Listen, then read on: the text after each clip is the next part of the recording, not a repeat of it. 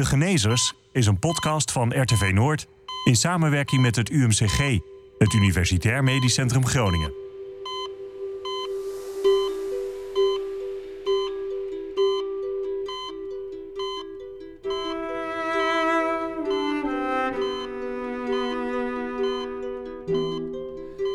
De Genezers is een podcast over ziekte en genezing, over dokters en patiënten, over methodes en ontwikkelingen in de medische wetenschap.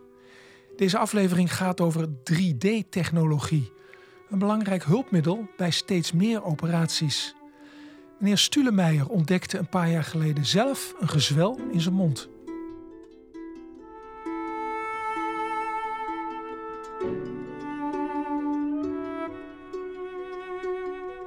Eigenlijk constateerde ik zelf iets onregelmatigs met het puntje van mijn tong ergens eh, achter mijn voortanden.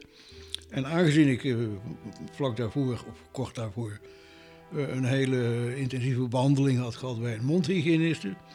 En nog voor een nakontrole daar, daar naartoe moest, heb ik gedacht van nou, ik laat er even naar kijken en dan, dan, hè, dan weten we wat het is. Ja, En zo kwam het eigenlijk aan het rollen. Het bevond zich in zijn mondbodem en bleek kwaadaardig. Kaakchirurg-oncoloog Max Witjes wist het met succes te verwijderen. Zo meneer Stulemeijer had een eh, tumor in de mondholte. Eh, en die zat achter zijn voortanden in de mondbodem. En die groeide daar eh, in de onderkaak, vanuit, het, vanuit de mondbodem tegen de kaak aan.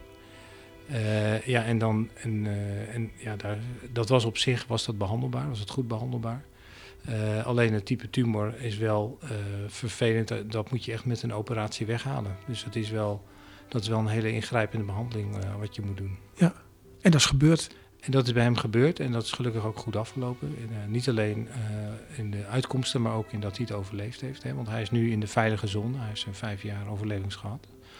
Dus En hij is, ook, hij is ook heel tevreden, kan ik je uit eigen waarneming Ja. melden. ja, ik heb appeltaart van zijn vrouw gehad, dus ik weet het ook.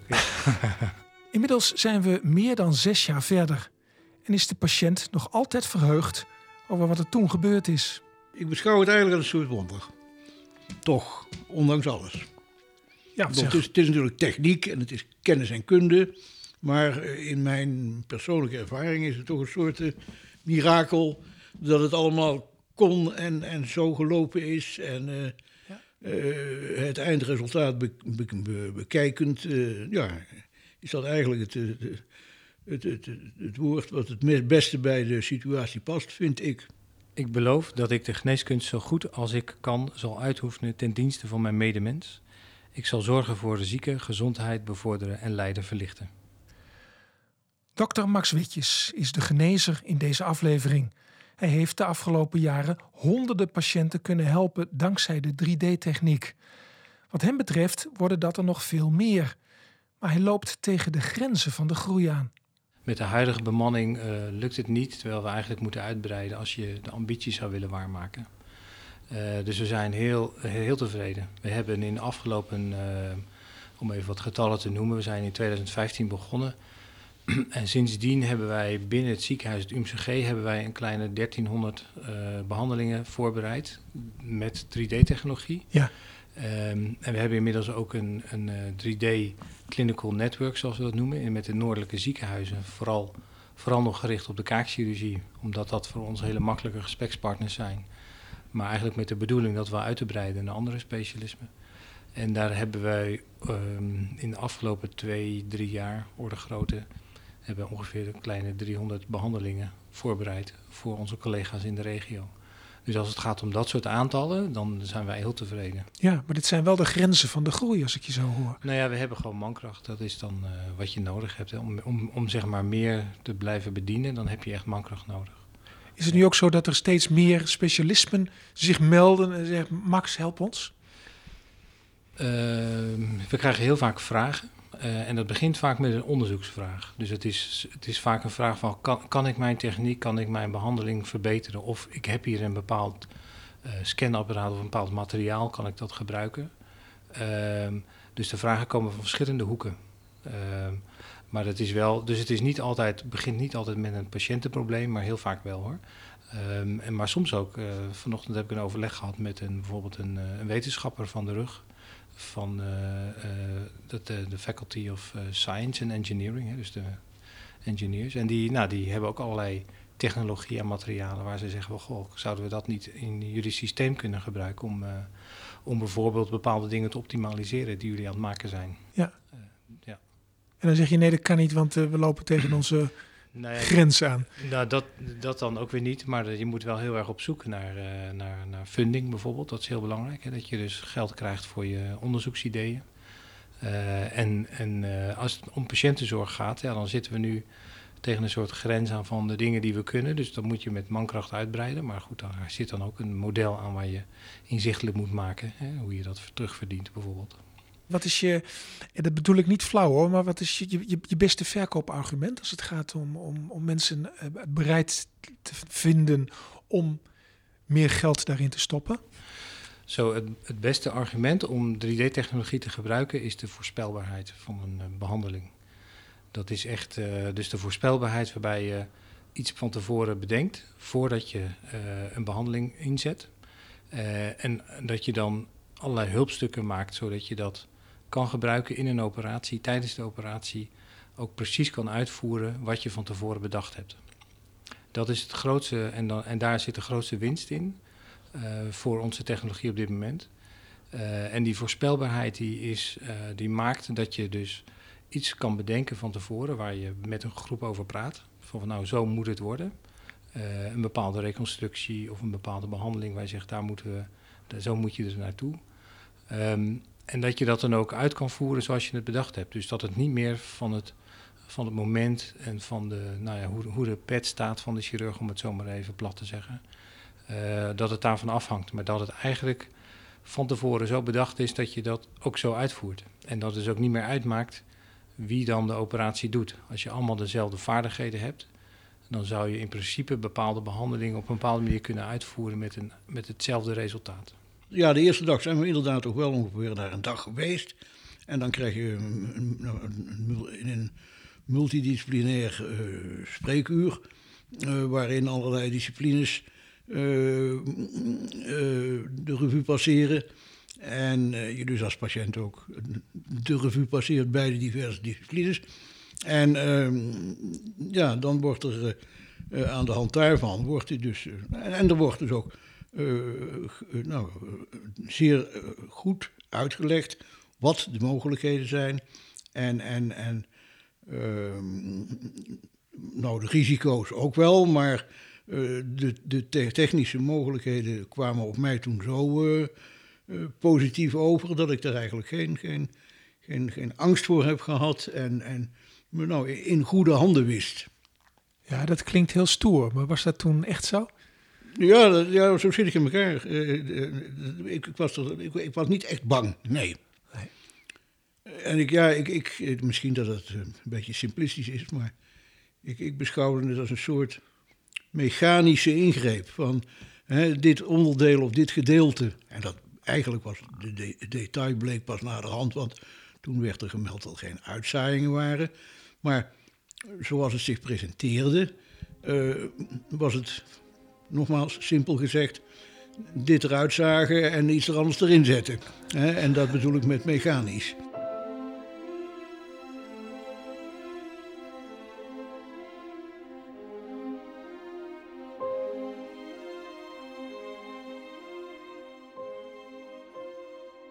Wat meneer Stulema heeft meegemaakt is dat zijn, zijn tumor die zat tegen de kaak aan, tegen zijn onderkaak aan de binnenkant. En, de, en, en daar moest eigenlijk een stuk bot tussenuit worden genomen. Uh, en, en dat kun je herstellen op verschillende manieren. En eigenlijk de, de standaard in de wereld sinds de jaren 80, denk ik, van de vorige eeuw. Uh, is, dat is geïntroduceerd in die periode, uh, is eigenlijk wel dat we dan een stukje bot lenen van, lenen is niet het goede woord, maar we transplanteren het. En transplanteren het dan naar het defect in de kaak. En die transplantatie die uh, die kan met verschillende botstukken gebeuren, maar de, eigenlijk de, de meest gebruikte in de wereld is het kuitbeenbot. Dat is het makkelijkste transplanteren en het beste vormen naar is er, nog een, is er nog een gedachte achter waarom dat zo is? Dat blijkt gewoon uit de praktijk zo te zijn. Ja, de, dat heeft te maken met de balans tussen uh, hoe goed het te gebruiken is in de kaak. Dus hoe makkelijk het past aan de vorm van de bestaande kaak. Het heeft ook te maken met de bijwerkingen van de operatie aan het been. Hè, dat die goed op te vangen zijn gemiddeld. Uh, de voorspelbaarheid vooral. Dat is ook belangrijk. Hè? Dus dat je weer weet van nou, als ik dat neem, dan weet ik in ieder geval wat voor soort operatie ik heb. Uh, en het komt ook wel voor dat dat niet kan. Hè? Dus dat, je dat, dat dat botstuk niet geschikt is en dat je moet uitwijken naar een ander botstuk. Of dat het helemaal niet wil met een botstuk. Dus dat je het defect alleen maar verbindt met bijvoorbeeld uh, een metalen verbinding, hè? dus een, een plaat. Uh, ja. Dus dat zijn, dat zijn allerlei uitkomsten. Maar het, het mooiste is als je er een botstuk in kan zetten, uh, wat getransporteerd wordt van het eigen lichaam, zodat dat weer kan vergroeien en eigenlijk weer gaat functioneren als normale kaak, waar ook weer spieren en alles aan kan hechten. Ja, maar jullie nemen niet zomaar hop een stukje bot, daar, daar, gaat, daar wordt het een en ander mee gedaan. Zeg ik. Ja, als je een, als je een kaak, een onderkaak vooral reconstrueert, zoals dat dan heet, uh, dan, dan heb je eigenlijk een vorm na te bootsen en het kuitbeen is recht. Maar de onderkaak is natuurlijk, heeft eigenlijk een soort U-vorm. Uh, en dan met de kin de, het kleine stukje, het verbindende stukje, en dan de lange poten van de U naar achteren toe. En die U-vorm die moet je nabootsen. En dat is uit de hand is dat best lastig. Want tijdens een operatie heb je, heb je geen referentie. Als je de tumor hebt verwijderd, heb je ook een stuk kaak verwijderd. Ja, en dan heb je niet echt een goede referentie van hoe, hoe, lang, hoe ver, hoe breed moet ik het bot er nou inzetten. En, en dat, is, dat gaat dan op het timmermansoog. Dus de ene is daar wat beter in dan de ander. Hè. Dus daar heb je wel natuurlijk een verschil. Maar de uitkomsten in functie die, uh, of in esthetiek, die zijn natuurlijk heel verschillend als je allemaal verschillende chirurgen hetzelfde laat doen. Dan krijg je toch verschillende maatvoering. Ja. En dat is heel invoelbaar. Dat is niet, de een is niet beter dan de ander per se, maar het is gewoon anders. Ja. Um, en, dat is, en dat is een lastige als je dat goed wil uitvoeren. Dus ja. dat betekent dat je, dat je heel erg uh, op je gevoel of op je inzicht en dan probeert in de operatiekamer met allerlei trucken probeer, probeerden we vroeger, uh, voordat we de 3D-technologie hadden, probeerden wij echt grip te krijgen door bijvoorbeeld alvast een plaat voor te buigen om te zien van nou, hoe past het in die vorm. Maar dan moet je dus het, het, het, stukje bot aanpassen aan, aan de vorm van de plaat. En die is altijd rond. En botstukken kun je niet rond zagen. Dus dat, dat zijn altijd in verstek, hè, de, zoals dat dan heet. Dus dat zijn heel veel uitdagingen die je over moet overkomen. En, en, en, nu, en wat is nu de 3D-toevoeging daaraan? Nou, wat, wat ook nog belangrijk is, is dat uh, het transplantatieproces tijdens de operatie, dat moet niet te lang duren. Uh, dus je wilt twee dingen. Je wilt de tijd zo kort mogelijk houden. Uh, want in de tijd dat je aan het opereren bent, uh, is het vaak het botstuk niet door bloed. Dus die tijd moet bekort worden. Dat heet ischemietijd in, uh, in, in, in het vakjargon. Uh, het heeft, dat dus jullie staan echt onder druk Ja, daar de... zit een tijdsdruk op. Ja. ja. En hoe sneller, hoe beter is de gedachte. En je wilt ook niet te veel uh, manipuleren met het weefsel wat je wilt transplanteren. Want als je heel vaak daaraan moet zitten, uh, dan, gaat het, dan heb je risico dat je ook de, het weefsel beschadigt. Dus dat de doorbloeding slechter wordt doordat je vaatjes kapot maakt. Ja. En daar moet je dus heel kwetsbaar, dus je moet er wel voorzichtig mee omgaan. En, en als je dat met 3D-technologie voorbereidt, ten eerste heb je al een plan. Dus je weet van tevoren hoe de vorm wordt. We maken in de computer, proberen we alles zo voor te bereiden dat je precies kunt voorspellen hoe lang het botstukjes moeten zijn die van het kuitbeen erin moeten, op welke plaats. En dat kunnen we inmiddels binnen 2 mm nauwkeurig, orde grootte. Dus dat is voor ons een enorme precisie. Um, en, en, en, daarnaast hebben we hulpstukken, dus wij kunnen het voorbereiden uh, in een hele korte tijd. Dus de ischemietijd neemt enorm af. Uh, het, het gemanipuleer met stukjes van uh, je moet het weer aanpassen, want het past net niet. Nou, nog een keer aanpassen. Soms ben je wel een uur, anderhalf uur bezig om het passend te maken. Terwijl het nu met die 3D-technologie is het in een kwartier klaar. Ja. Uh, dan zijn er nog wel heel veel stappen te zetten hoor. Het zijn nog steeds lange operaties, maar je wint gewoon heel veel tijd. Ja. En vooral ischemietijd, dus dat is essentiële tijd.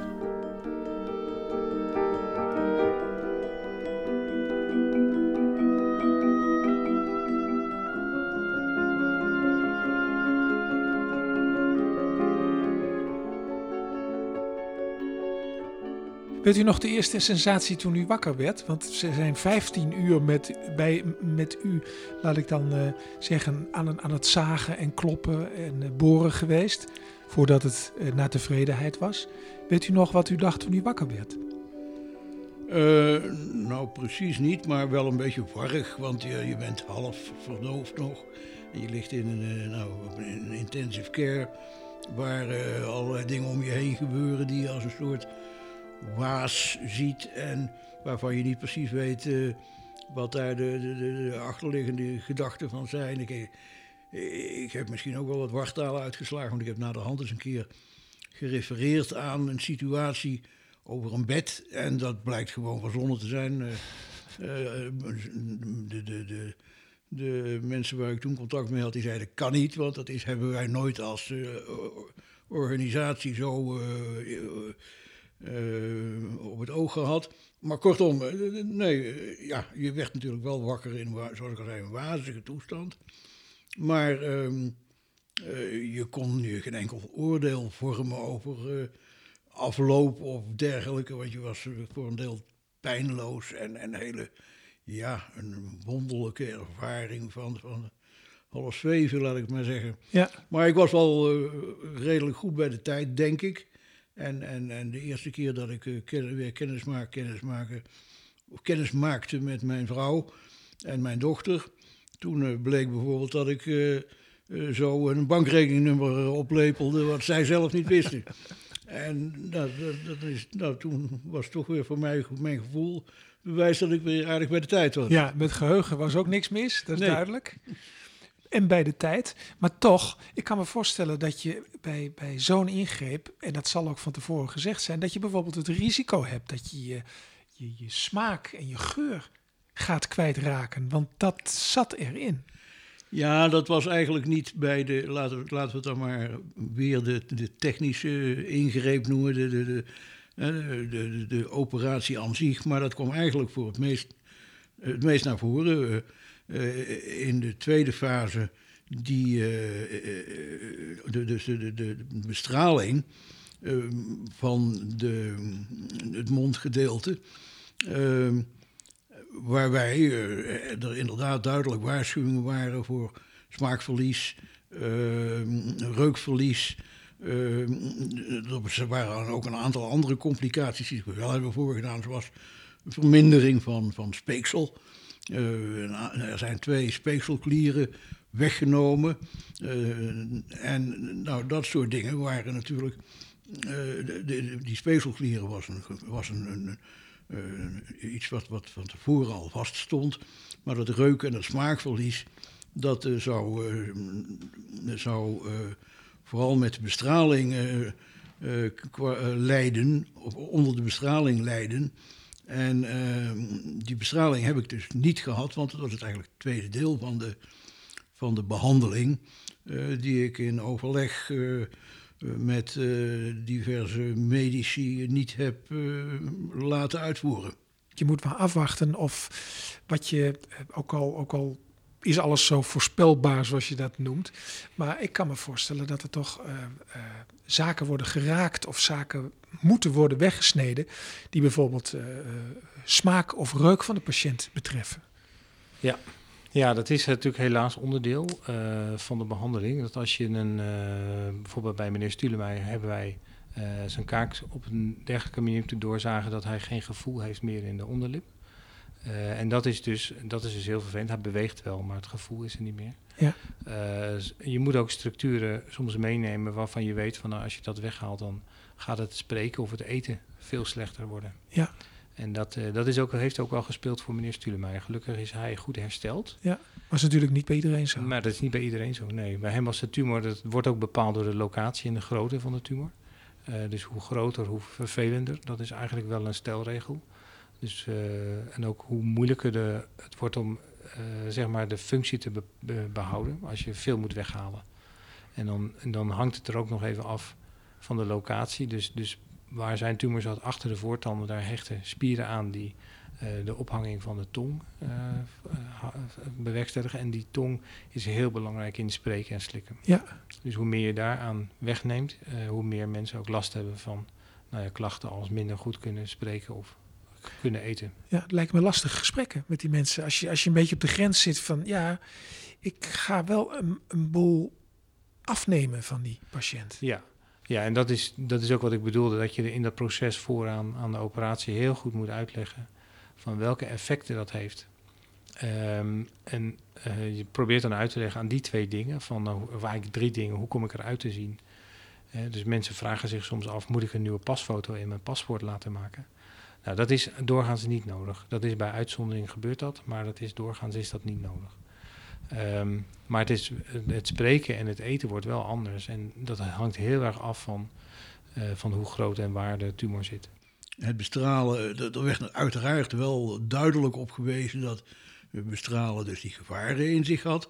Maar um, de, de, de invloed werd ook duidelijk onderstreept. Maar um, na de operatie, of tijdens de operatie, is duidelijk geworden dat uh, de lymfeklieren onder andere schoon waren. En dat voor zover daaruit kon worden geconcludeerd de, de, de schade, of althans de tumor, beperkt was tot een bepaald gebied. En toen had ik mezelf een beetje voor mezelf een beetje beoordeeld van... als je iets gaat bestralen, moet je ook gericht bestralen. Moet je weten wat je bestraalt. En als er niks zit, of niks zichtbaar is, is het natuurlijk heel moeilijk om, om, om te bestralen. En, en waarom zou je dat dan doen? En nogmaals, heel simpel geredeneerd heb ik dat zo benaderd. Ja. En uh, naderhand is me ook door uh, uh, een arts die ook kundig is in het circuit, is me bevestigd dat dat achteraf gezien uiteraard een hele goede beslissing was geweest. Ja. Want de gevolgen daarvan zouden heel ernstig kunnen zijn geweest. Want dan wordt er gezegd, ja, je reuk verdwijnt, je smaak verdwijnt. En dat komt wel terug, waarschijnlijk. Maar in welke mate en uh, hoe lang dat duurt, ja, daar, uh, daar kunnen we geen garanties voor geven. Ja. Wat heel belangrijk is, is of mensen uh, zeg maar hun beroep kunnen behouden. Dat is heel belangrijk. Dus als je een pratend beroep hebt, dan kan het best zijn dat je moet of moet veranderen in je schema. Een docent die voor een klas staat of, of iemand die heel veel me, bedrijven bezoekt. Hè, dus iemand die continu onderweg is. Dan kan je je bij voorstellen dat hij, dat hij zijn werkzaamheden moet aanpassen. Uh, of misschien zelfs moeten switchen. Dat hij echt iets anders moet gaan doen. Ja. Dat, is, dat, dat soort gesprekken heb ik wel met patiënten. Van ja, waar kies je voor? En, en als het gaat om spreken, is bijvoorbeeld spreken aan de telefoon is heel belangrijk. Ja. daar sta je niet bij stil in het dagelijks leven. Maar als je niet meer verstaanbaar bent aan de telefoon, dan is dat een, dan is dat een heel duidelijk iets. Hè? Dus hoe, hoe hou je dan contact met anderen als je nou ja, vooral bijvoorbeeld met je kinderen op afstand praten als die drie uur verder weg wonen. Ja. Uh, dan, wil, dan is het telefoon of, of tegenwoordig beeldbellen is heel belangrijk. Nou, en dat is dan heel lastig. Dus het is, dat probeer je in begrijpbare stukjes. Hè. Is een twee op één op twee gesprek, is een, is een groepsgesprek mogelijk, is een telefoongesprek mogelijk. Is Ja. lang, hoe lang kun je nog praten? Hè? Is, is dat goed vol te houden? Ja. Dat, is- dat is één kant. Ehm, nou, en, dat- en daar zijn mensen die echt dan zeggen van nou, als dat niet meer kan, dan, dan ben, ik, ben ik dat niet. Dan, als, dat, als dat in mijn eh, voorland is, dan, dan, dan stop ik met, dan nu met deze, dit proces en dan ga ik dus een, een alternatieve behandeling zoeken, bijvoorbeeld bestralen. Maar daarvan weten we dat het ook goed werkt, maar duidelijk minder goed dan, eh, dan, dan eh, opereren. Ja. Ehm, soms moeten we patiënten ook opereren en bestralen. Dus, het is, dus het zijn, dat zijn keuzes die we mensen voorhouden. Ja. Eh, en dat is heel belangrijk. En, en zo ook hebben we mensen die zeggen, nou, ik, maar ik vind eten heel belangrijk. Sociaal met mensen samen zijn Maar ook de smaak, en de smaak. beleving. Ja. Ja. Dus ja, dat zijn lastige gesprekken waar sommige mensen hele moeilijke beslissingen moeten nemen. En soms gaat het om, ga ik voor maximale kwaliteit van leven en geef ik dan een beetje kans op eh, om te overleven? Eh, of ga ik voor de maximale overleving en neem ik eh, alle, alle bijwerkingen die er zijn? Dat is, een, eh, dat is een hele harde keuze soms. En krijg je vaak te horen achteraf... Dokter, als ik dat geweten had, had ik het niet gedaan. Nee, gelukkig niet. Nee, ik kan me wel- voorstellen dat het een opluchting is. N- Ja. Nou ja, dat is, dat, zou, dat is echt de slechtste opmerking die je als dokter Ja. kan krijgen. Dat is eh, dat als een patiënt achteraf tegen als ik dit geweten had. Eh, dus, dus dat gel- gelukkig, eh, kan, ik kan me er misschien maar één herinneren van iemand die dat tegen mij gezegd heeft. En er zijn mensen die, sommige mensen zeggen wel van, oh, ik- begrijp nu pas wat je bedoelde toen je zei, dit of dit gaat je overkomen. Ja. Dus de beleving is natuurlijk wel anders. Eh, maar ik heb, niet de, ik heb niet de indruk dat er heel veel mensen zijn die tegen mij eh, zouden willen zeggen: van nou, dit, dit, doe, dat nooit een ander aan.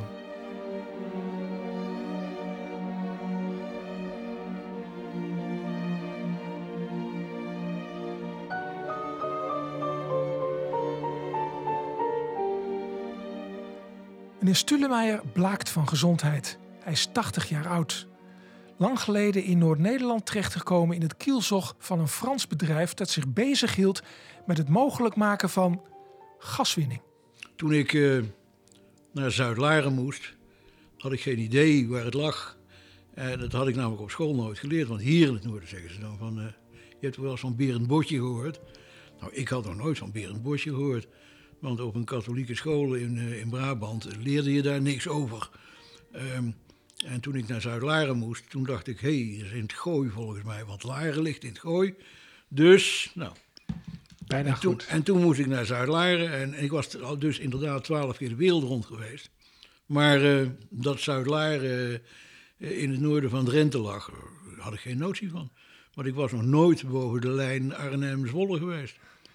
Dus daar kwam je niet, want het moest hier. Uh... Nou, en dan, dan zeg ik dat da dankzij het aardgas.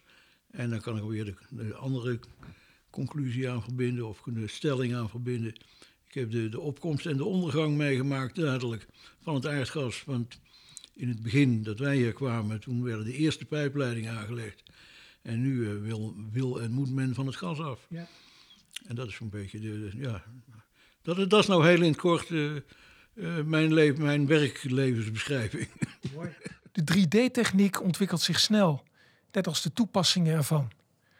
Waar dokter Witjes veel van verwacht de komende jaren, is de zogenaamde operatie Hot Floor, de operatiekamer van de toekomst. Steeds meer gaan de momenten waar het om gaat, de beslismomenten, zich tijdens operaties in die ruimte afspelen. Ik verwacht daar veel van, ook omdat we daarmee de voorspelbaarheid weer verhogen en ook in de operatiekamer tijdens de operatie beslissingen kunnen nemen die, die dus niet afhankelijk zijn van hoe de dokter het ziet, maar die dus gewoon geobjectiveerd worden door, door methoden waar je gewoon kunt uitmeten van zit je nou goed of ben je, ben je nou wat zit je ernaast. En, uh, en die voorspelbaarheid die, die wordt veel belangrijker. Dat is echt, uh, daar, daar, ga ik echt, daar gaan we echt dingen van zien dat je bijvoorbeeld niet meer dat je in de operatiekamer een breuk repareert, een, een beenbreuk. En dat je gelijk in de operatiekamer zo'n analyse maakt of een andersoortige operatie doet.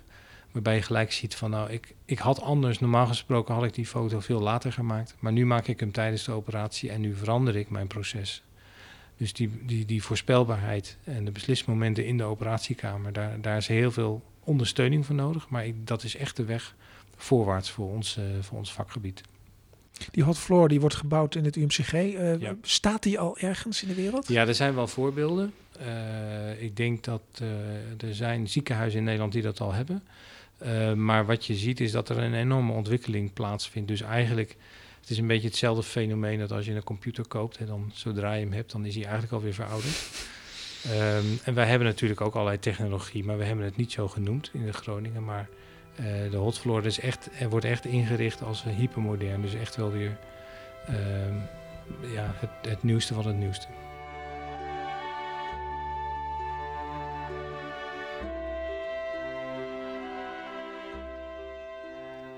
De succesvolle ingreep waarbij in de mond van meneer Stulemeijer een gezwel werd verwijderd, vond alweer bijna zeven jaar geleden plaats, toen het UMCG begon met een 3D-laboratorium.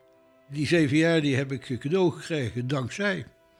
Want uh, kijk, uh, na de operatie zit er wel een traject natuurlijk van, van aanpassen en moeilijkheden op het gebied van uh, kunnen kauwen, kunnen eten, kunnen, of en al dat soort praktische dingen. Maar dat wendt op een gegeven moment ook. En je, nou, je, je, laat een beetje aan je, aan je uiterlijk doen. En uiterlijk dat heeft niks te maken met. met nou, nou, dan hoef ik even het goede woord. Maar, maar dat heeft niet te maken met ijdelheid. Maar dat heeft te maken met het feit dat ik had een heel dik gezicht. En, ja. en, en, en een hoop vocht, want die lymfeklieren die uh, normaal dat vocht afdrijven, die, die, die functioneerden niet meer of die, die, die, waren voor een deel ook verwijderd. En nou, uh, er is wat fysiotherapie bij te pas gekomen. Maar goed, dat is een Maar die zwelling is bijna helemaal weg, denk ik. Zwelling is uh, praktisch, ja, u hebt mij voordien niet gekend, maar nee. die zwelling is eigenlijk voor, weg, ja. ja. Een iets dikker gezicht, maar dat kan ook andere redenen hebben. Ja, gezond eten. Hè? Bijvoorbeeld. Complexe zorg ten tijde van een pandemie. die al een jaar de wereld in haar greep houdt. Die ook in het UMCG zelf goed voelbaar is. De zorg gaat door, al zijn de gevolgen van COVID ook duidelijk merkbaar. De oncologiezorg is doorgegaan, gelukkig. We hebben wel gezien dat, mensen, dat er minder mensen verwezen zijn. Dus, dus de van signalen die we vanuit de Kankerstichting krijgen. Uh, van nou, er is, er is echt minder, er zijn minder diagnoses gesteld. Uh, terwijl we er eigenlijk meer hadden verwacht. Um, die, die, die kan ik onderschrijven, dat zie ik ook in mijn praktijk. Uh, en dat betekent dus dat, dat er mensen rond hebben gelopen met een tumor in het aangezicht die of onnodig is gegroeid of nog, nog steeds niet is ontdekt. Uh, dus dat, dat, dat zien wij. Dat is echt wel een nadeel van de COVID-zorg. En uh, van, de COVID, van het COVID-probleem. En, en de COVID-zorg, ja, we hebben nu eenmaal bepaalde beperkingen. Uh, als het gaat om, om, om de, de bandbreedte van de zorg. De normaal gesproken hoeveelheden patiënten die je zou kunnen behandelen, die worden, die, dat wordt teruggeschroefd. Dus we moeten allemaal ons aanpassen. En er zijn bepaalde, uh, bepaalde middelen, die zijn gewoon minder voorhandig, bepaalde voorzieningen. Uh, en dat gaat dan vooral om dingen als IC-bedden en, uh, en operatiecapaciteit. Ja. Dat, is, dat is wat we merken. Meneer Stulemeijer heeft, zo is gebleken uit antistoffen in zijn bloed, al corona gehad. Ondanks zijn hoge leeftijd is hij er eigenlijk nauwelijks ziek van geworden. Ja, ik word van de zomer 81 en ja, toen het, het verschijnsel zich voordeed, was ik 74. Ja. En uh, ja, uh, goede gezondheid. Ik zeg altijd, kraken de wagens lopen langs. Uh, ik heb af en toe wel eens wat, maar ik heb eigenlijk niks gehad wat levensbedreigend, of, levensbedreigend was. Of wat mijn functioneren in de weg zat. Nee. Dus het gaat allemaal goed. Mooi. Deze podcast is gemaakt door Janneke Kruse en Marjolein de Winkel van het UMCG. Techniek Meralda Smit. Mijn naam is Pieter de Hart. Er zijn meer afleveringen van De Genezers.